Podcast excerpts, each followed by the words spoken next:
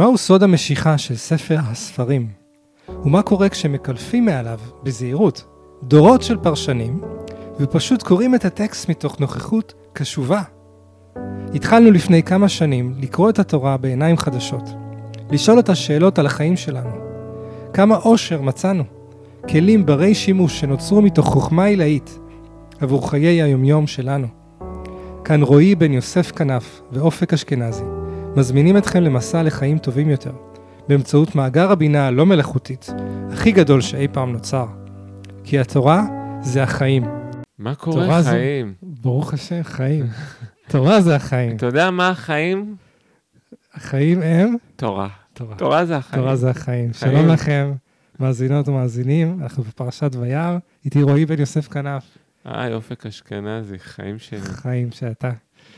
ואנחנו רוצים להמשיך את המסע של ההתפתחות שעובר אברהם אבינו, עכשיו אברהם עם ההי, וחתיכת מסע יש לנו בפרשה הזאת. נכון.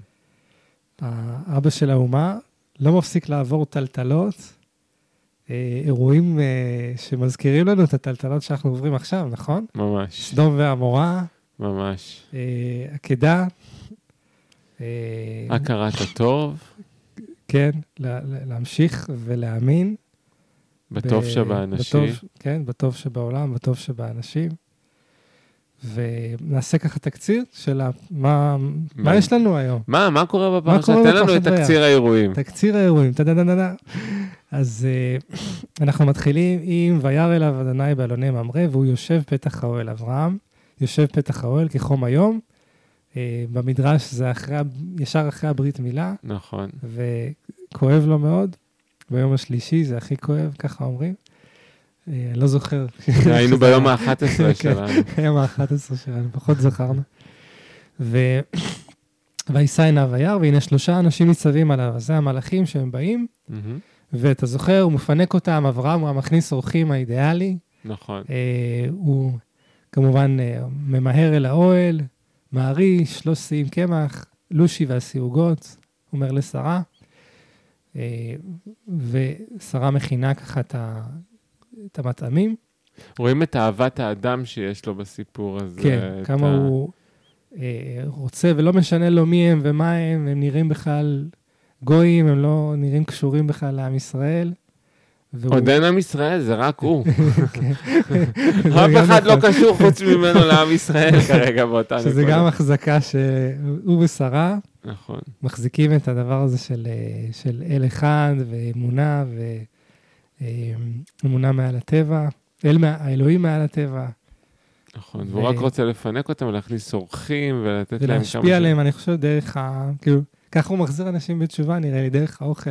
כן, גם אתה הרי עושה את זה, נכון? אני גם מאוד אוהב מביא אנשים הביתה, מכין להם. מטעמים. אבל אני חושב באמת, כי הרי הסיפור המקראי הוא מבחינת אה, גם הרבה מאוד הוגים וזה, הוא בעצם תחילתו של המוסר של העולם המערבי. זאת נכון, אומרת, כל היסודות של העולם המערבי נמצאים פה בתוך הספר הזה. תפיסה שקודם כל של אל אחד, נכון? שהוא מעל הטבע. נכון. ש- וערך אה, חיי אדם, ואהבת האדם, כן, ובאמת, ובאמת נכ- מתחילים להיכנס פה אלמנטים. עד עכשיו אין לנו איזה סיפור של אדם שעושה משהו טוב למישהו. נכון? זאת עד... אומרת, אה, גן עדן, גירשו אותם, קין פחות עשה טוב להבל. נכון. אה, אחרי זה נוח רק נוח. כן. לביתו הוא דואג, אברהם אחרי זה הולך, עוזב את הארץ שלו, אין איזושהי פעולה. זאת בעצם פעולה ראשונה ש... שהיא בעצם החוצה, פעולה של טוב האדם, של אירוח, של איזשהו מוסר חיצוני. אנחנו נראה שהעניין של מוסר חוזר הרבה בפרק הזה, בפרשה הזאת. כן, ואנחנו יודעים מחוכמת הקבלה שאברהם מייצג את ספירת החסד. נכון, וחסד זה אה, עשיית הטוב, לא לא כדי לקבל איזשהו פרס. מעצם זה שאני טוב, אני עושה בעולם טוב, זה המימוש, אה, המימוש וזה- של חסד. וזה גם מדהים שהפרשה הזאת מגיעה עכשיו, כי אני יודע בתהליך האישי שלי מול מה שקורה, שחוזר בי החסד. אני הייתי בשבועיים של... הלם. הלם ולב סגור, ווואו, יש אנשים באמת רעים ויש רע באמת בעולם. כן, יש עמלק. ופתאום בימים האחרונים מתחיל לחזור בי גם החסד. Mm. האהבה, להיזכור שבכל אדם יש טוב, הראייה יותר עמוקה הזאת שבאמת הסיפור הזה מביא אותו. כן. אז תמשיך, באים המלאכים. אז uh, המלאכים מתחילים ללכת לסדום, ואלוהים אומר, מה, אני מסתיר מאלוהים, מאברהם מה שאני הולך לעשות? המכסה אני מאברהם אשר אני עושה. רגע. הוא מרגיש צורך בחובת דיווח לאברהם. אה, אני חושב איזה מין שותפות כזאת, מדהים. שהוא אומר, יש לי אדם שסוף סוף, אחרי כל האנשים שיצרתי, יצרתי, הרגתי. אה, לא הצליחו לי כל כך, כן. אני בניתי פה עכשיו מישהו שהוא אב רם, אב, אה, אב המון גויים. ואם אני הולך עכשיו לעשות כזה, כזה מלחמה דרמטית, אני, השמיים נלחמים בארץ, נכון? כן. תראה, עוד לא הגענו למגדל בבל, שהם אה, רצו להילחם, והשמיים נלחמים בארץ, והוא אומר, לפני שאני עושה מהלך כזה דרמטי, אברהם הוא השותף שלי. ולא לא רק שותף, הוא אומר, כי ידעתיו למען אשר יצווה את בניו ואת ביתו אחריו, ושמרו דרך אדוני לעשות צדקה ומשפט. זה, בזה פרשנים, חלק מהפרשנים אומרים שבזה, מה שנקרא, טמון כל התורה. שאלוהים סומך עלינו שאנחנו נעשה צדקה ומשפט. וואו. אה, ואז אה, הוא אומר לו, אה, זעקת סדום ועמורה כי רבה וחטאתם כי כבדה מאוד, ארדנה את צעקתה. אה, ויפנו משם האנשים וילכו סדומה, ואברהם עודנו עומד לפני אדוני. ואז השיחה הזאת, שאני רוצה קצת לקרוא אותה, כן? בטח. שנרגיש את השיחה הדרמטית. אה, פעם ראשונה אדם תופס את אלוהים ומרביץ בו מוסר, אפשר להגיד. ויגש אברהם ויאמר, האף תספה צדיק עם רשע. אולי יש חמישים צדיקים בתוך העיר, האף תספה ולא תיסע למקום, למען חמישים הצדיקים אשר בקרבה. חלילה לך לעשות כדבר הזה, להעמיד צדיק עם רשע, והיה כצדיק כרשע, חלילה לך, השופט כל הארץ לא יעשה משפט. ואני חושב שעד עכשיו מצאנו בעצם יחסים מאוד מאוד אה, של אה, ציות, או, או של ילד שעשה עבירה, אדם וחווה, קין, ואנחנו מוצאים פה את, את, בעצם את כל המהלך שאברהם מתפתח וגדל להיות איזה איש ואדם במלוא העוצמה שלו, שקם ואומר, אה, חלילה לך, השופט, כל הארץ לא יעשה משפט. זה, אה, בעיניי זה קודם כל תזכורת לגדולת האדם, לעוצמה של האדם, לזה שאנחנו לא סתם פה רק למלא הוראות, אנחנו יוצרים את העולם הזה וקובעים את החוקים שלו יחד עם אלוהים. אני, אני, אני, כל כך הרבה דברים קופצים לי לראש תוך כדי שאתה מספר את הסיפור המהמם והמדהים הזה, שקשה להבין בכלל את העומק והיופי שיש בו. כי מצד אחד, עוד אף פעם, עד אותו רגע, אלוהים בכלל לא אומר מה זה צדיק ומה זה רשע. שנייה רגע. זה, זה באמת מאוד מעניין, כי עד אותו רגע באמת, אני לא חושב שבשום מקום אלוהים אומר מה זה צדיק ומה זה רשע. איך זה בכלל נכון להתנהג טוב? מה זה אומר שהם רשעים? הוא אומר לקין לפתח חטאת רובץ, הוא מדבר על חטאים, זאת כן? אומרת שהרצח הוא שפיכות דם. יש לנו את שבע מצוות בני נוח, אבל באמת הדיון הזה של צדיק ורשע, אבל גם שבע מצוות נוח, הן כתובות איפשהו, הן מסופרות איפשהו. זה לא בפשט של התורה. לא בפשט, הוא בפשט לא נאמר מה Mm. זה צדיק, מה זה רשע, אנחנו איך יודעים שיש באדם עוד צריך... קין לאדם שרוצח. כן, זה גם סיפור נורא ספציפי על כאן, אנחנו לא מבינים בדיוק על מה גם אלוהים כועס עליו, זה. לא נאמר במפורש על מה הכעס עליו. אין איזושהי רשימת חוקים, אין מה זה צדיקים, מה זה רשעים, וזה כבר פעם שנייה שבעצם אלוהים מתעצבן על בני האדם, כן? כן. שהם רשעים, ומשמיד השמיד את, את, את, את, את, הדור של נוח, ועכשיו בא עוד פעם בעצם ליצור פה איזשהו הרג של אנשים שחוטאים, כשלרגע אחד לא נאמר מה זה חוטא ומה זה צדיק, וזה נשמע שגם אברהם וגם אלוהים יודעים במה מדובר.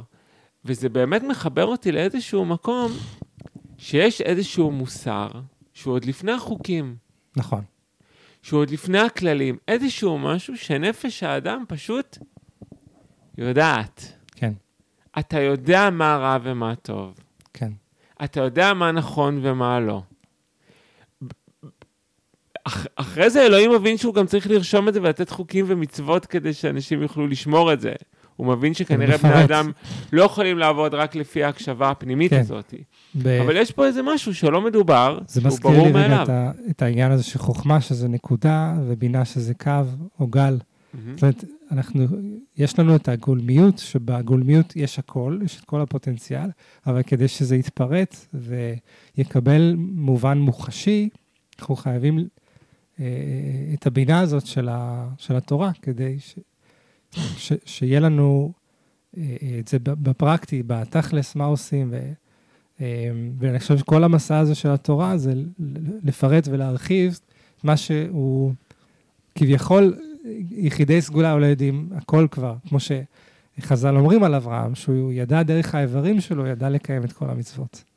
לא, אבל גם יש פה ציפייה בעצם מאלוהים שהבני אדם ידעו לקיים או לחיות את המוסר הנשמתי הזה שנמצא בתוכם באופן טבעי. הוא כועס עליהם כאילו כבר אמר להם את החוקים, ורוצה כל פעם להשמיד את כל מי שלא יודע לקיים את זה כמו שהוא. כן, ופה בפעם הראשונה אבר... אברהם בעצם יוצא בשיחה שהוא מייצג את בני האדם.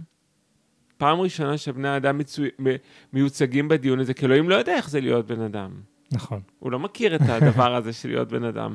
מגיע אברהם ובעצם מייצג את כל בני האדם, ובעצם יוצא לדיון עם אלוהים ואומר, רגע, זה לא שחור לבן. שים לב, בוא, בוא תב- תבחין, תנסה להיות uh, כזה שיותר מבחין בצורה פרטנית, ואל ת... זאת אומרת, אני, אני מרגיש את זה מאוד היום. יש לנו נטייה לפעמים להגיד דברים כוללניים, או אה, אה, לא לראות את הפרטים, ומאוד חשוב שאנשים באים להעמיק במשהו, תמיד יש עוד פרטים ועוד מובנים, ו... אה, כשאנחנו, כשאנחנו לפעמים מציירים, אני קורא לזה עם מכחול גס, את, ה, את, ה, את המידע שניתן לפנינו, אנחנו לא מפרשים אותו, אנחנו לא רואים ברור. אז הוא אומר לך, אתה, הוא אומר לאלוהים, אתה הולך להעמיד צדיק עם רשע. והעניין של לעשות משפט, שכמה פסוקים קודם, אלוהים אומר, אברהם יעשה משפט, יעשה צדקה משפט. אז הוא כבר מתחיל, כביכול אלוהים נתן לו כבר את הרשות זה תפקיד. את התפקיד הזה לעשות רגע משפט, ומתחיל שם הדיון. אם נמצא בסדום 50 צדיקים בתוך העיר, ונסעתי לכל המקום, הדיון המפורסם הזה, של 50, 45, 40, כביכול, אה, אברהם אומר לו, אבל אם יש כך וכך צדיקים אה, בעיר, אז לא תשמיד אותה, אז הוא אומר, אני לא אשמיד אותה. והם מגיעים ככה עד, אה, אני אקרא את זה בסוף של זה כבר, ויאמר הנה הועלתי לדבר אל אדוני, אולי יימצאון שם עשרים, עשרים צדיקים. ויאמר לא אשחית בעבור העשרים. ויאמר אל נא איחר לאדוני ואדברה אך הפעם, אולי יימצאון שם עשרה. ויאמר לא אשחית בעבור העשרה. וילך אדוני כאשר קהילה לדבר אל אברהם. ואברהם שב למקומו. יש, זה, התורה, אתה יודע, היא מקמצת במילים, ופה Mhm. יש לך וילך אדוני, ואברהם שב למקומו. כביכול, כל אחד חזר למקום שלו, כן. האל חזר למקום שלו, האדם כן, חזר למקום. שלו. כאילו- התורה באה להדגיש דווקא שהיה כאן מעמד של איזושהי שוויון. שאברהם התעלה, האלוהים כביכול ירד וגם מקבל מוסר מהאדם, אבל סוף הפרשה, כן, שלו. אבל אתה יודע, זה גם נורא יפה המקום הזה של 50 צדיקים, 40 צדיקים, 30 צדיקים, 20 צדיקים. כאילו, אני מסתכל על הדבר הזה, הרי בכלל לא יודעים מה זה צדיקים. כשאנחנו קוראים, אנחנו לא יודעים למה הכוונה במילה צדיקים. כן, למה הכוונה בזה. אבל אני חושב שבאמת, הרבה פעמים כשאנחנו שופטים את עצמנו, אנחנו שופטים את עצמנו נורא לחומרה. אני שופט את עצמי נורא לחומרה, כן? אני אדבר בשמי. אני שופט את עצמי נורא לחומרה, והיה לי משהו נורא נעים בזה, במינונים. זאת אומרת, לראות גם כמה טוב יש בי, ולראות שהטוב הוא יותר חזק מהרע. כאילו, 50 צדיקים מצילים עיר שלם, 40 צדיקים מצילים עיר שלם. 20, 20 צדיקים מצ- מצילים עיר שלם. ואם אני מסתכל רגע פנימה בתוכי, Mm, לראות כאילו את הטוב שבי. אני חושב שגם עכשיו היה פה את הסיפור של השביעי באוקטובר, ולראות את החמאס ואת האכזריות, ואת הדברים שעשו, ופתאום אני חושב על כל הדברים שאני חשבתי שאני רע בהם, Mm. כן? ופתאום אני כזה, איי, טוב, זה דווקא יחסית, כן, כשאתה רואה את הרוע המוחלט הזה, כן.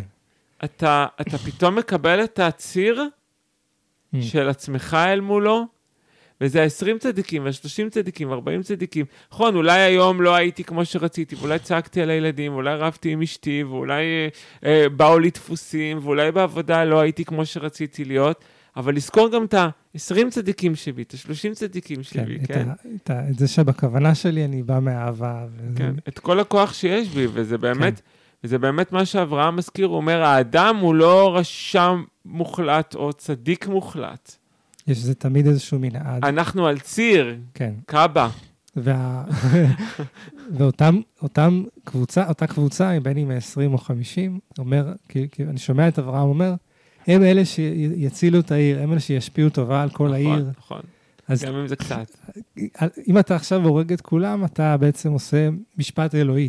אבל תן, תן, לה, תן לאדם לעשות משפט. בדיוק, אנחנו, אנחנו מורכבים, אנחנו בגוף, אנחנו, כמו שאמרת אחרי פרשת נוח, יש בנו רע,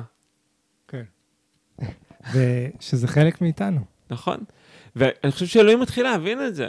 יש פה משהו שאלוהים מתחיל להבין. והוא אומר, אוקיי, אני לא, אני בעצם, יכול להיות שהאמירה, אל, אה, אלוהים שב למקומו, אברהם שב למקומו, זה בעצם ש, אל- שאלוהים יותר סומך על בני האדם שיתפעלו את העניינים. מהמם. וזה בעצם האברהם הראשון שאומר לו, אני, אתה יכול לסמוך עלינו. כאילו, אני יכול, אם יש 20 צדיקים, אולי הם יעשו תשובה לכל העיר. למה אתה מחליט עכשיו על משפט אלוהי? תן למשפט בני אדם להיות. אני חושב שגם, אתה יודע, הרי יש את החסד, גבורה ורחמים. כן. ואני חושב שרחמים זה משהו שהאדם מלמד את אלוהים. Mm. כי האלוהות היא, היא אידאה. אין בה את, ה... אין בה את הדואליות. ובשביל רחמים צריך דואליות.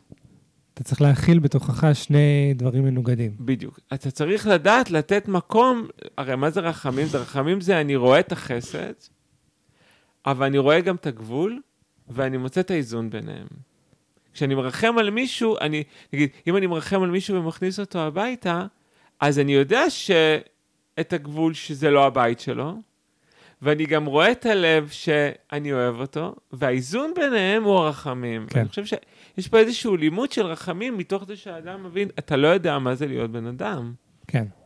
ואני חווה את זה הרבה. אז אפילו עכשיו לגבי המצב, יש, אתה יודע, אה, צה"ל מפציץ בעזה, נכון, ומתים אנשים בעזה. נכון, קשה. זה קשה, מאוד. ואני אומר, יש משהו באנושיות שאתה חייב רגע להגיד, וואו, זה כואב, כאילו, אנשים מתים. נכון, ו, וזה החסד שבנו רוצה שכולם יחיו בטוב וכל הזמן, נכון. אבל אז באה איזושהי תנועה של גבורה שאומרת, רגע, תזכור מה זה המלחמה, למה אנחנו נלחמים, מה המטרה פה. תצמיד כל אויביי וקמאי.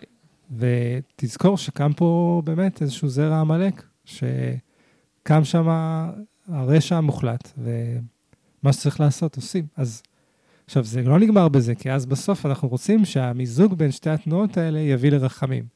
אז אם זה סיוע מוניטרי, אם זה מצא פתרונות, מתן פתרונות, אבל uh, מה ואם יש שקורה... 50 צדיקים בעזה, אם יש 50 צדיקים. ואם 40 צדיקים בעזה, אז- 30 צדיקים בעזה, 20 צדיקים אנחנו בעזה, עדיין לא רואים אתר של גופרית מהשמיים על עזה, אז כנראה ש... כנראה שיש. כן, אבל אלוהים נותן כנראה לאדם, אה, ואני מרגיש שממש אלוהים, לפעמים, אתה יודע, אנחנו יכולים להרגיש שאנחנו, שאלוהים השאיר אותנו לבד, אתה מכיר את ההרגשה הזאת? ברור. ובוודאי כשקורה איזשהו אסון נורא כזה, או טבח נורא שכזה, אתה אומר, איפה היה אלוהים? ופה אני לומד ממש עכשיו יחד איתך, שלפעמים אלוהים משאיר את המשפט אה, לבני אדם, והוא מתבונן עלינו ואומר, איך, איך בני אדם יטפלו בזה? הוא, הוא רוצה גם ללמוד מזה, הוא רוצה גם לקבל נכון, מזה, כי נכון. הוא אומר, אני יכול לבוא ועכשיו למחוק פה ולעשות, ולעשות מבול ומטר של אש מהשמיים ומכות מצרים, אבל אני רוצה רגע להמתין, אני רוצה את המידה של האיפוק הזה כדי לסמוך עליכם. ו... סוף מצאתי את אברהם, שאני יכול לסמוך עליו, ליצור את האומה, ליצור את המשפט, לגדל נכון. איזשהו שבט של אה, ממלכת אה, אה, אה, כהנים וגוי קדוש. נכון. אז בעצם כשאנחנו מרגישים קצת לבד, את הבדידות הזאת של אלוהים נשאר אותו לבד, באותו רגע, וגם ילד מכיר את זה מול ההורים שלו, ואנחנו גם גדלים, אנחנו מתבגרים, אנחנו גם עצמאים, אנחנו גם... נכון. ולכן הר... אני ממש בימים אח... אחרי האסון הזה, רק חיפשתי לחבק את כל מי שלידי ולהתקשר לאנשים, לחבק נכון. אותם בטלפון. ו... כי כש... ככה זה, כשנשארים לבד, אתה מחפש את כל ה... דמויות ההיקשרות שלך, ו... נכון. אמ, כן. טוב, אז בואו נמשיך. בטח. יאללה, אז... אה, ויבואו שני המלאכים סדומה בערב, ופה מתחיל בעצם הסיפור של לוט, מהמם. ויש פה איזשהו מערך, כאילו כמעט מערכון קומי. וואו, סיפור נוראי. אה, ששוב, זה- זה מעניין לראות איך, מה טרגי. המוסר, כן? כן, ולוט, שהוא אה, התחנך בבית אברהם, הוא איש של חסד. והוא מפציר במלאכים, תבואו אל הבית שלי, והוא עושה להם משתה ומצות. טרם ישכבו, ואנשי העיר, אנשי סדום, נסע בו על הבית, מנער ועד זקן, כל העם מקצה. ויקראו אל לוט, ויאמרו לו, איה האנשים אשר באו אליך, הוציאם אלינו ונדעה אותם. ולא הכוונה נשב איתם לקפה, אלא אה, נדע אותם כמו ש... וידע אדם את חווה אשתו, נעשה. איתם, אבל בכוח, כן. ולוט מסרב, והנה נא לי שתי בנות אשר לא ידעו איש, הוציאה נא את עין אליכם ועשו להם כטוב בעיניכם. הוא אומר, קחו את הבנות שלי, אבל אל תיגעו באנשים שאני מארח. זאת אומרת, יש כאן, אני חושב, התורה אומרת לנו, החסד יכול גם להגיע לכדי אכזר- אכזריות נוראה. זה, זה מדהים, כי זה, זה נורא יפה הסיפור הזה שאתה מביא פה עכשיו, אתה ואלוהים כן. ביחד. אה, כי בעצם לוט הוא בהרבה מקרים איזושהי תמונת ראי של אברהם. של אברהם בהפוכה. עם טוויסט. זה ברור שהוא בן טיפוחיו. זה ברור הוא- שהוא בן טיפוחיו, אבל זה ברור שהוא לא הבין את התוכן עד הסוף. משהו שם בשיעור לא התעכל. הוא הוכשר על ידי אברהם, אבל אה, הוא עושה שם עבודה אחרת. כי יש פה ממש השוואה בין שתי הכנסות אורחים. כן. אה, אחת עם אור עליה ואחת עם חושך עליה. וזה באמת מדהים לראות איך אותה תנועה פנימית יכולה להוביל לפעולה אחרת לגמרי. Mm. ת- תסביר. פה הוא פותח את הלב למלאכים, ונותן כן. להם לאכול, ו... כן. ו- ו- מתעקש שהם יבואו אליו. ומתעקש, טה טה טה טה טה. ופה הבן אדם נותן את שתי הבנות שלו לאונס אכזרי, כן. על ידי אנשים אכזריים, כדי להציל את האורחים. כדי להציל את האורחים, שכביכול יש פה באמת הכנסת אורחים ברמה מאוד גבוהה, אבל אין ספק שכל מי שקורא את הטקסט הזה מצטמרר. זה, זה המידה הזאת של חסד, שלוקחים אותה לקיצון, אין שם גבורה לאזן אותה, אתה לגמרי יוצא מ... אתה מתבלבל פשוט. כן. וגם באמת את אותה פעולה כשהיא בחושך וכשהיא באור. Mm, אחד זה בכנען. היפה, הבהירה, הטובה, זה בדיוק רציתי לדבר איתך על זה. ואחד זה בסדום, כן. החשוכה, האפלה. שבעצם האכזריות של, של לוט, היא, היא התחילה כבר בבחירה שלו לגור בסדום. נכון, זאת אומרת, אתה בא, לסביבה שהיא מות- אכזרית, היא תוציא ממך אכזריות. נכון. זה, אה, זה מה שבעל הסולם אמר, הסביבה זה ה- הדבר, בעצם הבחירה היחידה של אדם בעולם זה הסביבה שלו. תראה, זה- הדיונות מתחיל 50 צדיקים, 40 צדיקים, 30 צדיקים, 20 צדיקים, כמה הסביבה שלנו משפיעה, וגם כמה את אותו פעולה, איך היא נראית באור ואיך היא נראית בחושך. כן. זה, זה, זה כל כך יפה, האנלוגיה כן. הזאת בין שתי הכנסות אורחים. ועדיין המלאכים מצילים את, ה, את החיים של לוט. אני מדלג קצת, והוא יוצא עם אשתו, עם אה, שתי בנותיו. סיפור המפורסם, שאשתו מסתכלת ככה לאחור. הופכת לנציב של הופכת מלח, לנציב הבנות מלח. שלו שוכבות איתו. כן, ו... זה עוד, עוד רגע את העיוות, עוד פעם מעשה טוב, איזושהי תנועה טובה כביכול. לייצר המשכיות בעולם, כי לייצר היו בטוחות בעולם, אבל איך ברגע הסתיימה. שאתה בסביבה שלילית, כל דבר טוב. ואתה יודע, זה, זה, זה מחבר אותי גם ל, ל, לחמאס, חמאס, שאיך באמת בסביבה שלילית, שהערכים בה שליליים, גם פעולות שהבן אדם חושב שהן יוצאות ממקור הטוב שלו, הופכות לרשע גמור. Mm. וואו. זאת אומרת שיש פשוט סביבה רעה. יש סביבה רעה. שיודעת לקחת את מקור הטוב ולה, ופשוט להטמיר כן. אותו לרע, כמו כן. הפוך, שבסביבה טובה אפשר לקחת את מקור הרע ולהטמיר אותו לטוב. כן. כן. ואנחנו באמת יכולים, מי שרק רוצה לראות, יכול לראות קייטנות של uh, חמאס, שלוקחים ילדים קטנים והופכים אותם לשהידים ולומדים אותם באמת מגיל ילדות, uh, שהמטרה של החיים זה להרוג יהודים. אה. ואז אתה אומר לעצמך, הבן אדם הזה גדל, נהיה בן 15, 18, 20. בוודאי ש... ש... אין, לטוב אין מקום להיכנס כבר. זה... הטוב מתורגם אחרת, כמו שלא יודע באמת, בטוב שלו הוא רואה שלהוציא את הבנות שלו זה מעשה טוב. כן.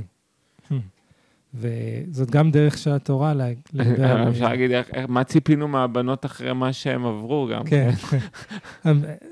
לפחות ככה מוצג, שהם באמת אומרות לעצמם, מה, מה ימשיך את האנושות? נשארנו אנחנו ואבא שלנו רואות את המטר של אה, גופרית ואש ותמרות עשן, והתורה מציינת בעצם אה, שני עמים, שהמקור של הסיפור זה, הוא בסוף מתגלגל לשני עמים. אה, ותלד הבחירה בן ותקרא שמו מואב, הוא אבי מואב עד היום. והצעירה גם היא ילדה בן, ותקרא שמו בן עמי, הוא אבי בני עמון. אז עמון ומואב, שני עמים אה, שהם אה, קשורים לכנען, קשורים לעם ישראל, וזה ככה המקור שלהם, שהוא לא בדיוק, אה, לא, לא סיפור ככה, אוריג'ין סטורי ש, שהייתי בוחר, אבל התורה כן מביאה את זה לגביהם. אז ונישא משם אברהם ארצה, הנגב, הישב בין קדש ובין שור. ופה אה, בעצם יש עוד פעם סיפור שלא נתעכב עליו, של אבימלך בן הגרר. אה, עוד פעם מנסים לקחת את שרה, עוד פעם הוא אומר, תגידי שאת אחותי. אה, עוד פעם אה, אלוהים מעניש את, אה, את המלך על זה שהוא לקח את, ה, את שרה, ואברהם מקבל אה, רכוש, והוא מתפלל שאבימלך אה, לא ימות, אבימלך אה, חי. ומה שאני מאוד אוהב, זה בעצם התורה מדגישה שאבימלך הוא תם לבב. הלא הוא אמר לי, אחותי היא, והיא, גם היא אמרה, אחי הוא, בתום לבבי ובניחיון כפיי עשיתי זאת. ויאמר אליי מעניין מה התפקיד של הסיפור כן. הזה פה עכשיו, אחרי כל הסיפור של סדום. למה יש את החזרתיות הזאת עוד פעם של אברהם, שעוד פעם, כבר אחרי שהתקדם, אחרי שהתפתח, אחרי שכבר ראינו אותו, מבין דברים חדשים, אה, חוזר בעצם איזושהי... חוזר אחורה לדפוס ישן שלו. זה קורה לפעמים, נכון? אחרי התעלות גדולה, שאנחנו... מין איזו התפרקות קצת. שאלה אם זה התעלות או גם איזשהו משבר. אני אומר, אחרי מה שקרה עם, כן. עם, עם סדום, שהוא בא ונתן שיעור מוסר לאלוהים, יש משהו ב... אני מתאר לעצמי, אתה יודע, אחרי, יש מין אה, אה, אה, אווירה כזאת אחרי אירוע גדול או אופוריה גדולה, של יכולה להיות איזושהי התרסקות שם. וגם בא לי להגיד, כאילו, אני לא באמת מתכוון שזה הסיפ... לזה מתכוון הסיפור המקראי, זה רק סתם מזכיר לי דברים אה, אה, אחרים, זה שבאמת בתקופות משבר, הרבה פעמים דפוסים ישנים חוזרים לנו.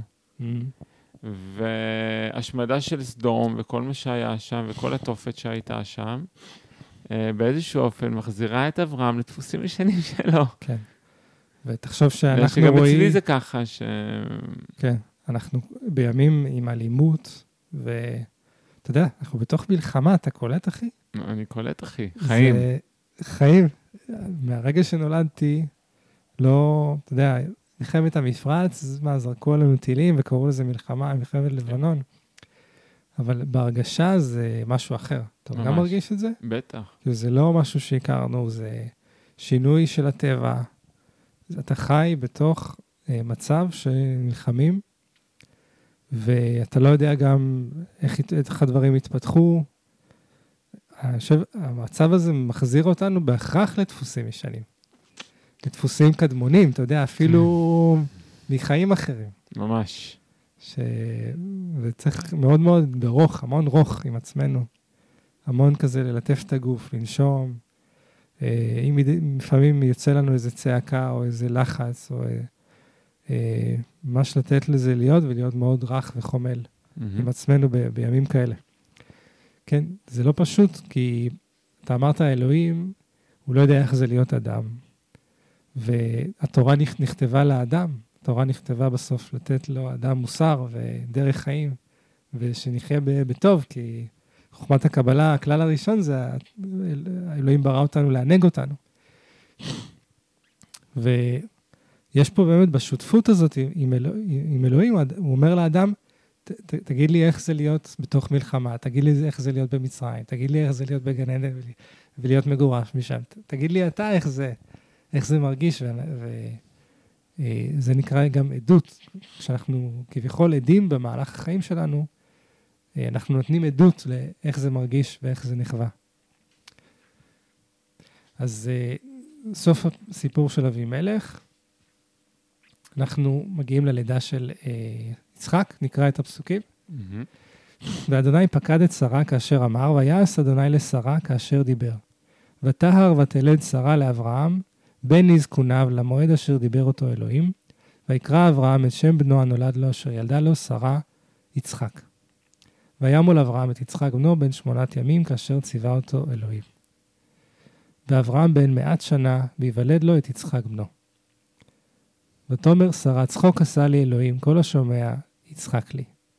זאת אומרת, יצחק, שאנחנו יודעים שהחיים שלו לא היו פשוטים, נכון. וחווה הרבה עצבות, קוראים לו יצחק. זאת אומרת, זה קצת כמו לבנה למישהי כהת אור, או יפה למישהי פחות... אה, זאת אומרת, השם יש בו איזו אירוניה כלשהי, נכון?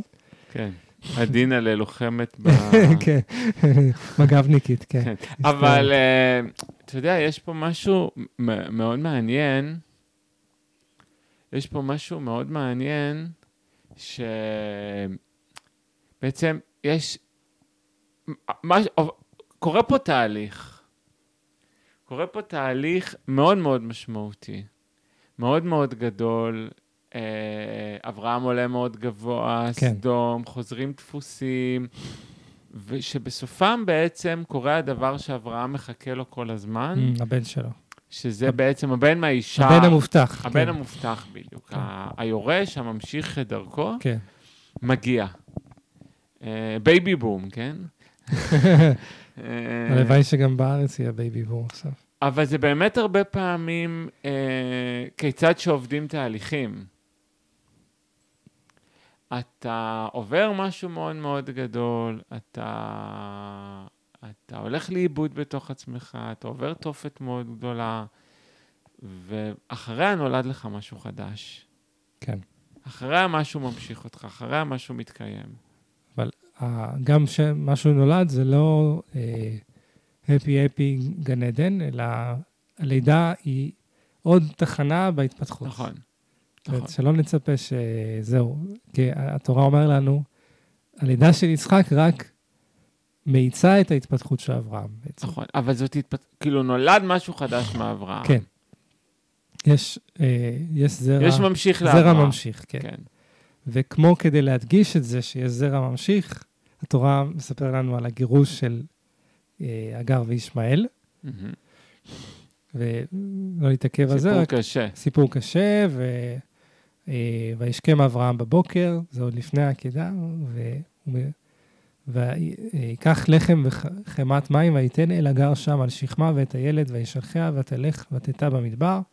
ואז המלאך מציל את ישמעאל, ו... וואו.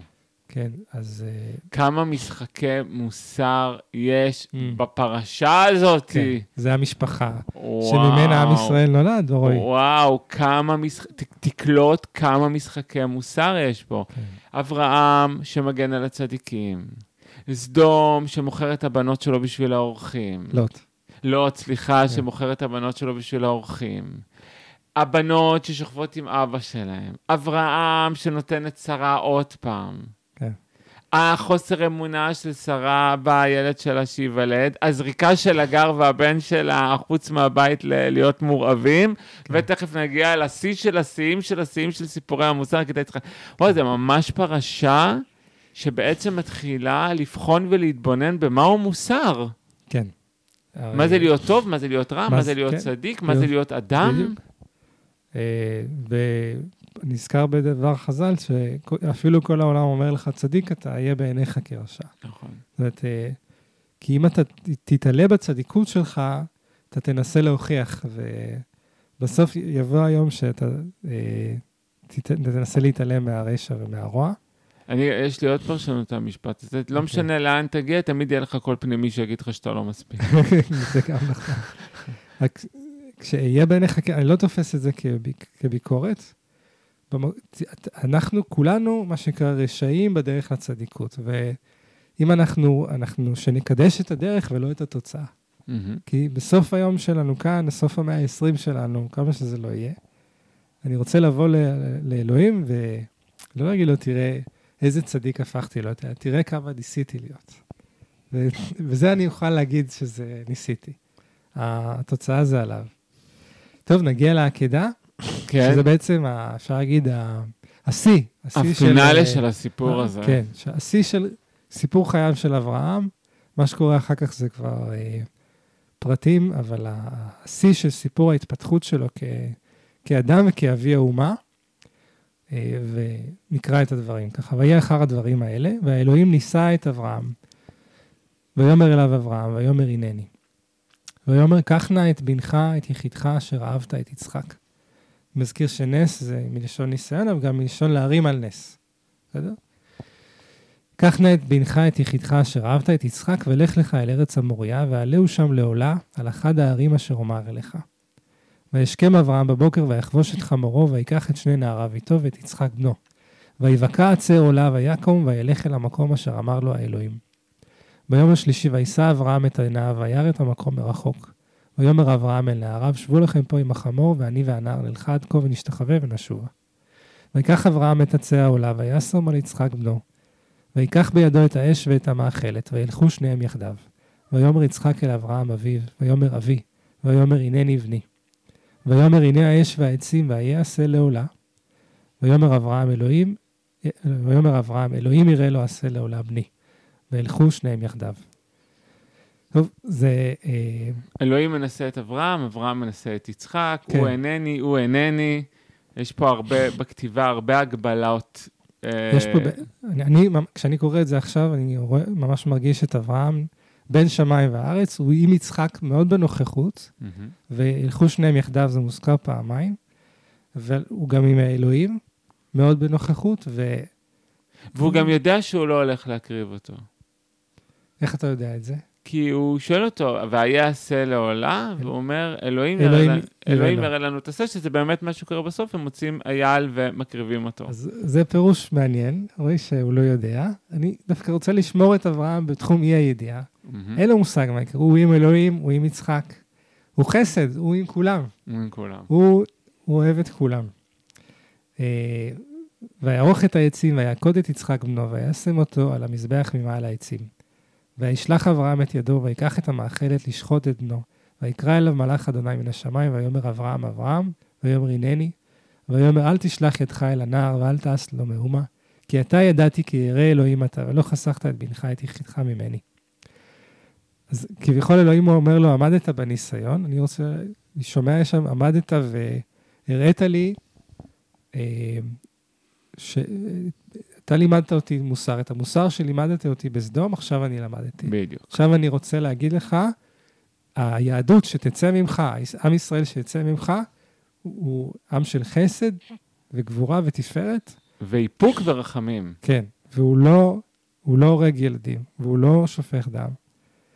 ו... יש פה ממש בחירה בחיים. אה, כן, אני, אני חושב שאנחנו, קשה לנו רגע להבין את הסיפור הזה, אבל באותה, בעת האלים של פעם, להקריב את הבן הבכור שלך, היה אידיאל. זה האידיאל, זה מה שאלים אוהבים. גם, אה, גם אחרי יציאת מצרים, אה, אנחנו צריכים לפדות את הבנים הבכורים שלנו לפני האל. כן. אה, צריך להביא קול בכור מה... אה, מהפירות וכל בכור מהבהמות כדי לשחוט. זאת אומרת, ההבאה הזאת והבחירה של אלוהים רגע לא לקחת את הקורבן אדם שאברהם נותן לו, היא, היא, בחיר, היא, היא, היא שינוי שאלוהים עובר. מבחינתי אלוהים הוא הגיבור בסיפור הזה. Mm. והוא עובר פה שינוי, והשינוי שהוא עובר זה אלוהים מבין משהו על האדם. אלוהים מבין משהו על מוסר. אלוהים מבין משהו על הדיאלוג הזה בין חיים למוות. אני חושב שאלוהים מבין את הערך של, מה זה ערך של חיים לאדם? Mm. מה זה אהבה של אב ובן אצל בני אדם? זה מחזיר אותי לקין והבל, שהיה שם גם הקורבן שם, יצר נכון. את ההפרדה ביניהם. וכביכול אברהם בא לפה, אני ממש מתמלא אליו אהבה והערכה. הוא עם אלוהים, הוא עם יצחק, הוא בעצם איזשהו גשר שמיים וארץ, והוא באמת מוסר נפש על, על אה, להיות ולעשות טוב בעולם הזה ולהיות החסד הכי גדול שהוא יכול, ואלוהים אה, מציל אותו מה, מהגורל של לעקוד את הבן שלו. וגם מצליח לראות, אתה יודע, שאברהם בא להגן על סדום, אלוהים שם עוד לא יכול לראות. למה להגן? בוא נשמיד, Mm. כן? ופה בעצם אלוהים מצליח לראות רגע את האהבה הזאת, כן. את האנושיות. כי ירא אלוהים אתה. ואנחנו בדרך כלל ביהדות מדגישים יראת אלוהים, אה, במובן שאני רואה אותך, שאתה מלך גדול, ואתה... ויש גם את המקום הזה של אני רואה אותך, איפה אתה צריך אותי, איפה אתה מבקש אותי, איפה אתה בשותפות איתי, איפה אתה מנסה להגדיל אותי, לגדל אותי, להיות יצירך, אבל כמו שאנחנו המשפט זה אוהבים, וירא אלוהים אתה? כן, אתה ידעתי כי ירא אלוהים אתה, ולא חסכת את בנך את יחידך ממני. כביכול אומר לו, אנחנו, אלוהים אומר לו, "ת- תגדל, תראה אותי, וככה בעצם כש- כשאתה רואה אותי, אתה יכול לקיים עליך שמע ישראל, ואהבת את השם אלוקיך. אז זה ממש מסע מפואר, אנחנו אה, נרצה להעמיק בזה עוד, בטח בהזדמנויות שונות, אבל נכון. אנחנו, אה, הגיע הזמן כאן לסיים, ווואו, תורה זה החיים, רואים? תורה זה החיים. אברהם זה. החיים. אברהם זה החיים ו- של החיים. אנחנו רוצים שיצחק, שינקה ממנו את העצב, ובאמת יצחק הרבה, ושכולנו נחזור לצחוק ולאהוב ולשמוח. אמן, אמן, אמן. תודה. תודה לכם.